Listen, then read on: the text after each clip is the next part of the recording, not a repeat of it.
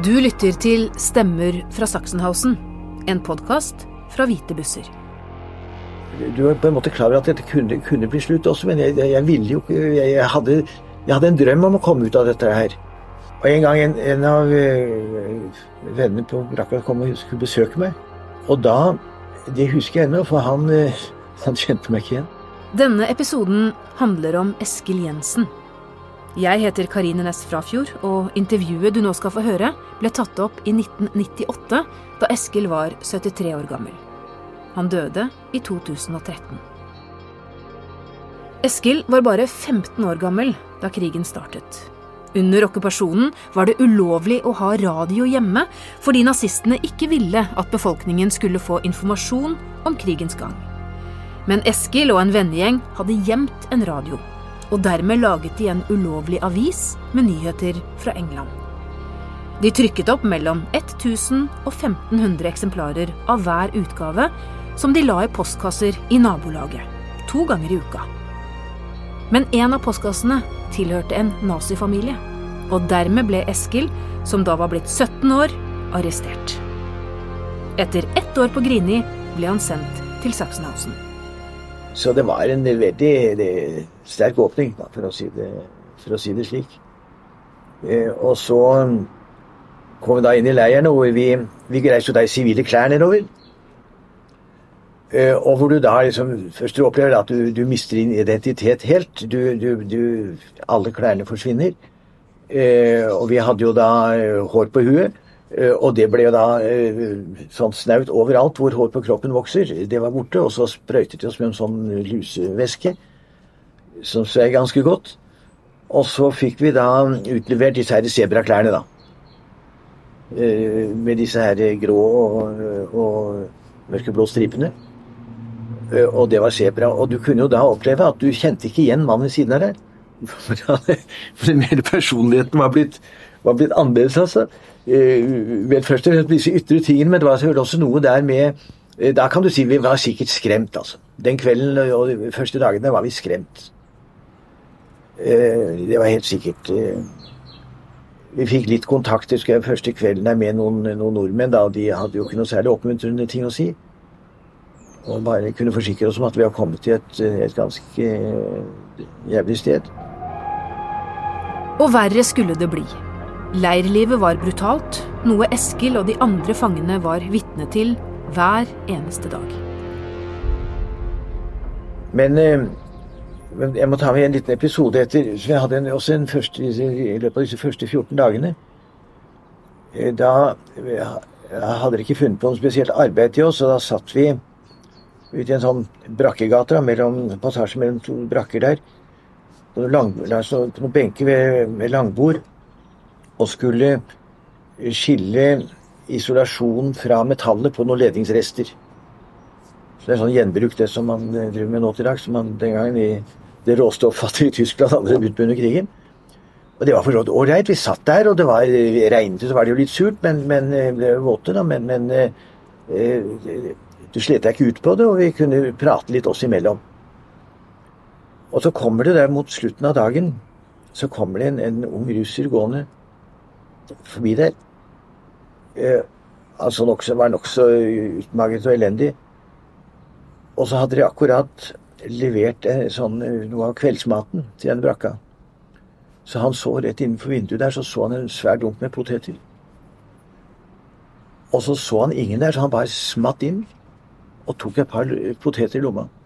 Og så møter han brakkesjefen, som da var en kriminell tysk fange, i døra, og som så dette her. Og han Bergsten slo den først rett ned, så han lå der. Og så fortsatte han eh, å slå han og sparke. Så kom det en SS-mann forbi, som til å begynne med nærmest bare så på, og så deltok han i dette her inntil mannen var daud, Altså. Eh, og, og eh, fikk de tak i en sånn drakjerre og la han på den. og husker liksom, Hodet hang ned på den ene siden og beina på den andre omtrent. Da, og, og, det lå en del blod igjen i, i sanden der. Da. Så jeg brukte et uttrykk i at Grine var et menneskeliv noe verd, men liksom her fikk vi en av de tøffeste innføringene i at, at, at et menneske hadde ingen verdi. altså. Det var, det var, ikke snakk om noe rettergang, det var ikke snakk om noe uh, forhør, det var ikke, ikke snakk om uh, enda langt mindre om noen tilgivelse. Men det var rett og slett å bøte med livet for, for en neve med poteter. I alle nazistiske konsentrasjonsleirer ble fangene merket med nummer, bokstav og en farget trekant. Merkene var sydd på fangedraktene og viste hvordan fangene var inndelt i grupper etter nasjonalitet, rase, kriminell bakgrunn eller seksuell legning. De norske fangene hadde en rød trekant som viste at de var politiske fanger, og en N for Norge.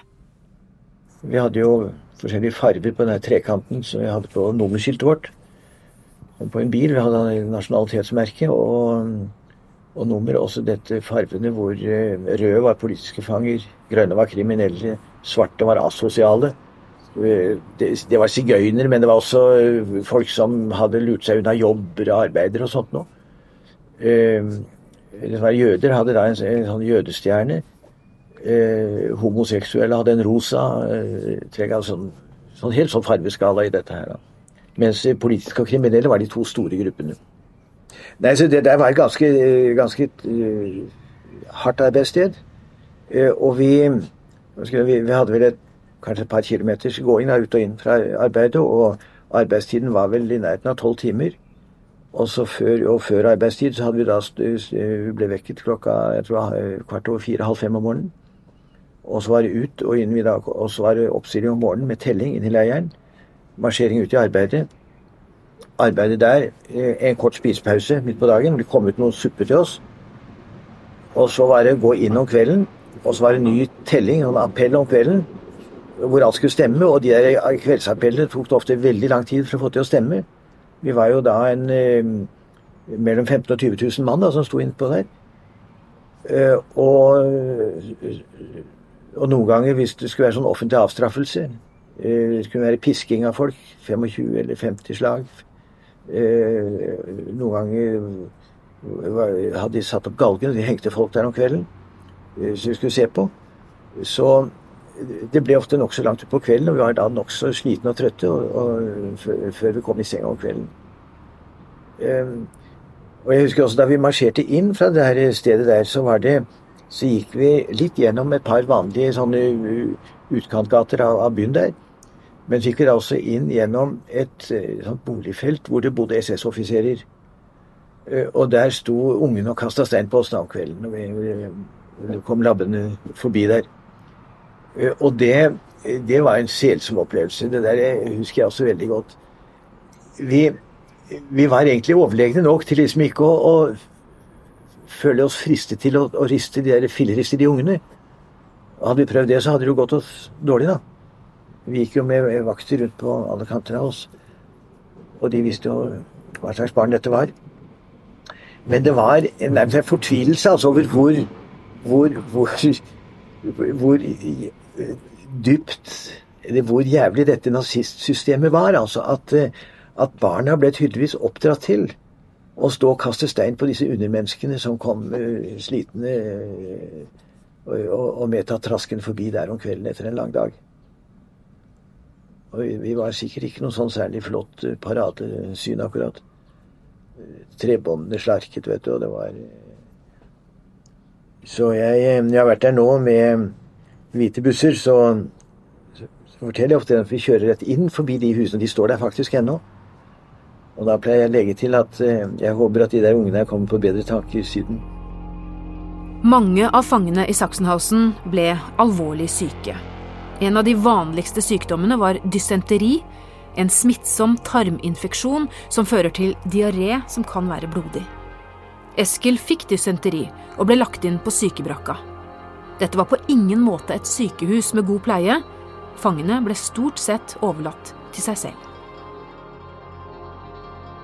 Men, men eh, så var det da en sykeblokk den gangen, så var jeg ganske svær en, hvor det ikke var leger.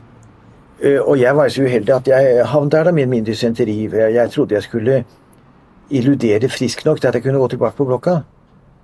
Men eh, det gjorde jeg ikke, så jeg, eh, jeg kom inn der, og der skrev de Der malte de nummeret ditt på låret med en gang du kom bort der.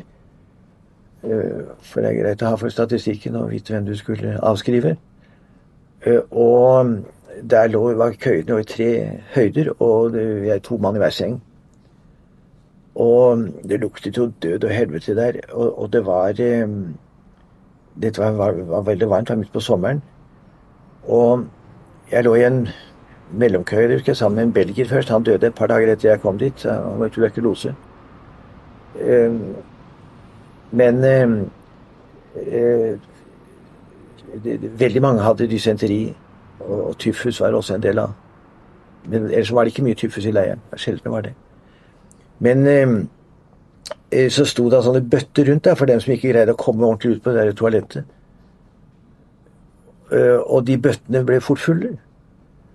Jeg husker en, Vi var, var sju nordmenn der, husker jeg. Var et, et, det var tre av oss som kom, kom, ut igjen. Og en av dem som kom ut igjen, han, han lå i en underkøy akkurat ved en av disse bøttene. Så jeg skulle ut og så alle de der fluene som satt oppå den bøtta, og som noen kom og satte seg på den. Og, det, og dette skvatt jo da opp i ansiktet på den, faktisk. Og disse fluene flyttet seg opp i ansiktet hans fra den bøtta. Og, og der lå han, vet du. Men, men eh, det, det, og det, og det som også et veldig inntrykk på meg, var Det døde jo folk ustanselig der. Og, og, så var det en natt jeg kom ut der på det toalettet, der var det bare en sånn blå lyspære fra sånn blendingshensyn. Og der var en kar som hadde sittet på Det var sånn, det er ikke sånn klosetter på rekke og rad der. Han sitter der og dødd, og så var han liksom så tynn at han var liksom så å si foldet sammen. altså Satt liksom med baken nedi, og så var liksom lå det opp der. Så du uh, det mest merke ja, ja, forferdeligste sånn uh, Det er liksom noe av det mest makabre døde personen jeg har sett noen gang. Det der. Det der. Det var ca. 2500 nordmenn i Sachsenhausen, og de fleste ble behandlet bedre enn andre fanger. Mye fordi de var av arisk og germansk avstamning. Nordmennene fikk også motta pakker med mat fra Røde Kors. Det de ikke spiste selv, kunne de bruke som byttemiddel mot andre varer i leiren.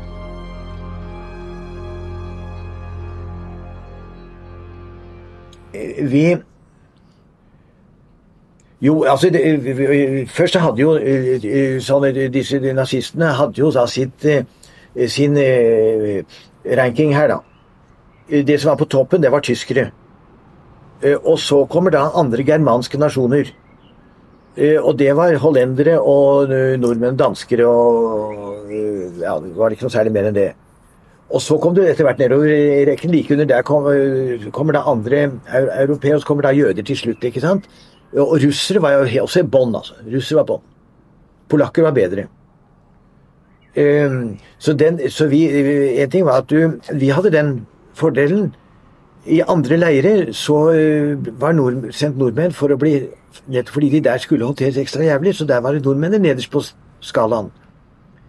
Men Men, uh, uh, men, men vi hadde nok vi hadde nok litt lettere pga. den rankingen. Dette har selvfølgelig også litt å gjøre med språk å gjøre. Eh, jeg hadde gått på skolen, ikke sant? middelskole, gikk på handelsgym. Eh, jeg kunne en del tysk. Eh, og, og, jo mer du kunne, jo bedre, jo lettere kunne du til deg, og jo bedre ble du egentlig håndtert.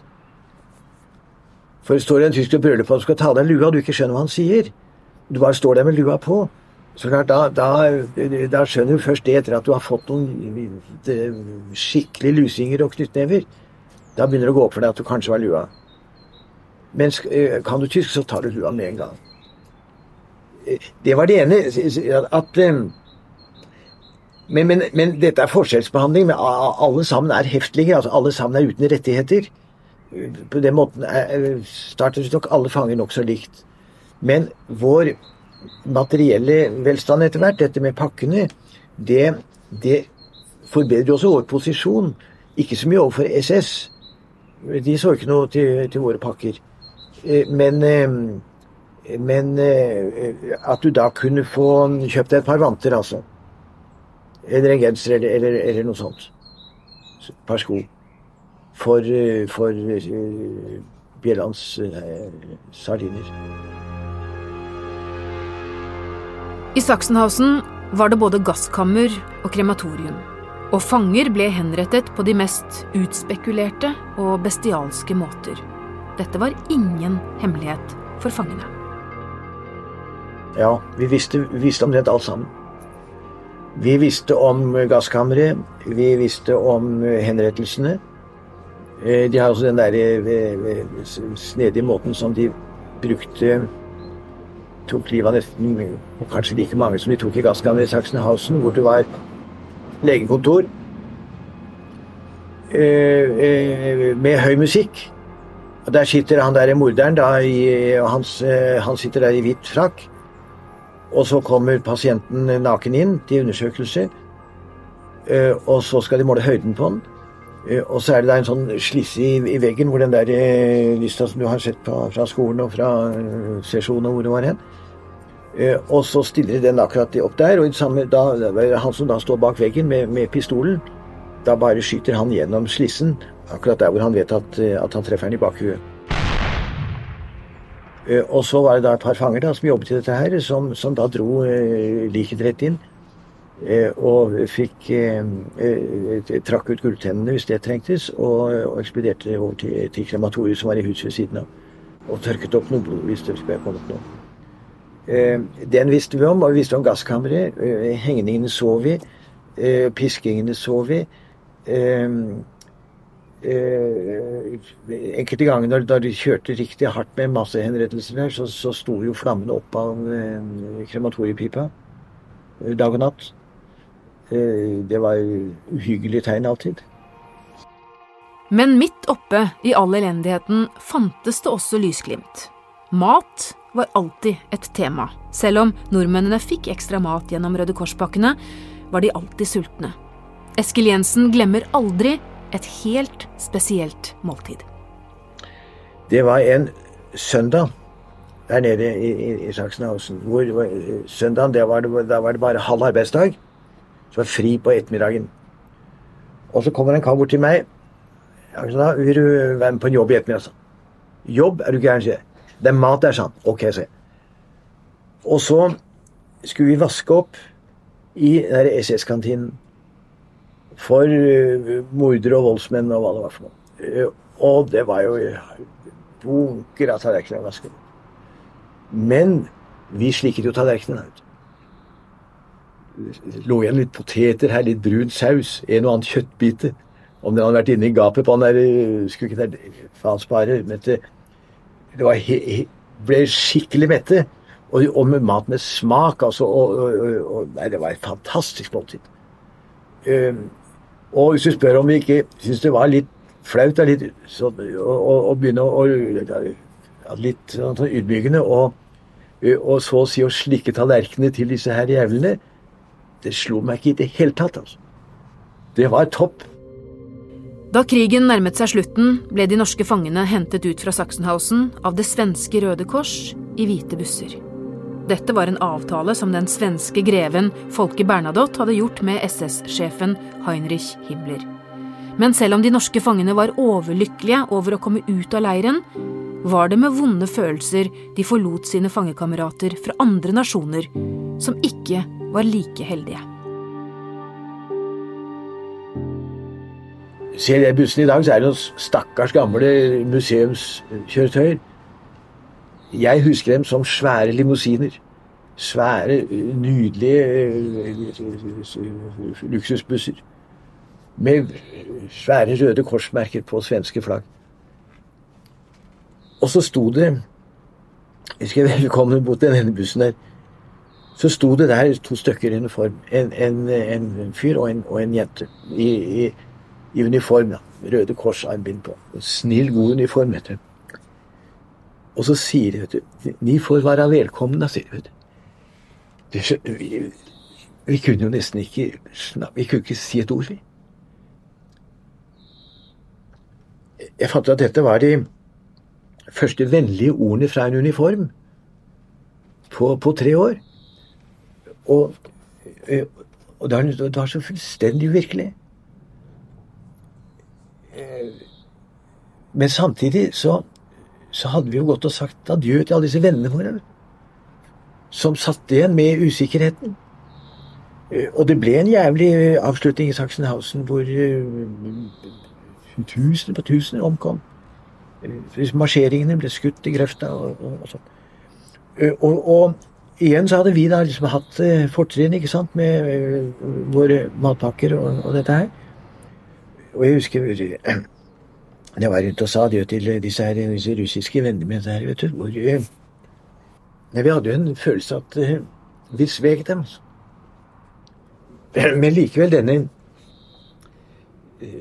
Så apropos sånn psykisk belastninger, så var den, den saken der var noe av det sterkeste, egentlig. Med på den ene siden denne følelsen her av å ha sveket gode venner.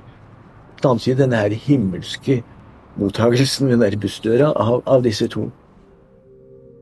Etter krigen ble Eskil Jensen sosialøkonom. Han var veidirektør i en årrekke, og var også statssekretær for statsminister Oddvar Nordli fra 1976 til 1980. Jeg jobbet noen år som statssekretær hos statsminister Nordli. Og så skulle han på offisielt besøk i Tyskland. Og det besøket ble lagt til Hamburg, Helmut Schmidt, som da var eh, forbundskansler eh, før Kohl var vel. Han, eh, Hamburg var hans hjemby. Og så Og det var sånn ålreit. Jeg hadde litt sånn representasjonsting og sånt der nede, og litt møter. Og, og, og noen møter som var veldig spennende da, med, med, med tyske regjeringen og forskjellige ting og sånt. Veldig gøy. Men det jeg skulle fortelle om, var en kveld så var vi hjemme hos familien Schmidt.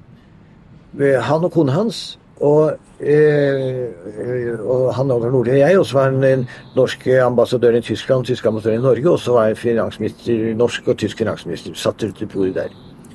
Og jeg satt der ved siden av hun fru Schmid.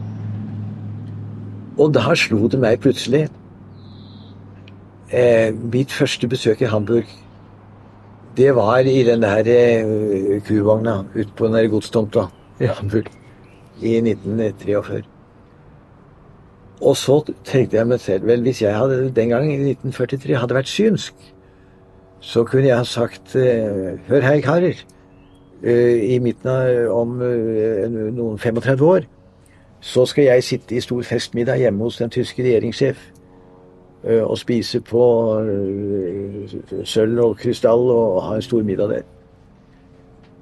Og så tenkte jeg hva ville gutta sagt hvis jeg hadde sagt at De hadde sagt, Enten ville sagt at eh, hva, hva i all fankeren skal du der? hva, hva er vitsen i det? Men, men jeg må si jeg hadde en, jeg satt der den middagen og kom til å tenke på det der. Hva livet har jammen mye rart å by på. Du har hørt Eskil Jensen i Stemmer fra Sachsenhausen. En podkast fra Hvite busser, støttet av Fritt Ord. Dette intervjuet ble tatt opp i 1998 som et ledd i Hvite bussers arbeid for å bevare tidsvitnenes historier for ettertiden. Lyddesign er ved Frode Ytterarne. Jeg heter Karine Næss Frafjord. Takk for at du hører på og holder historien levende.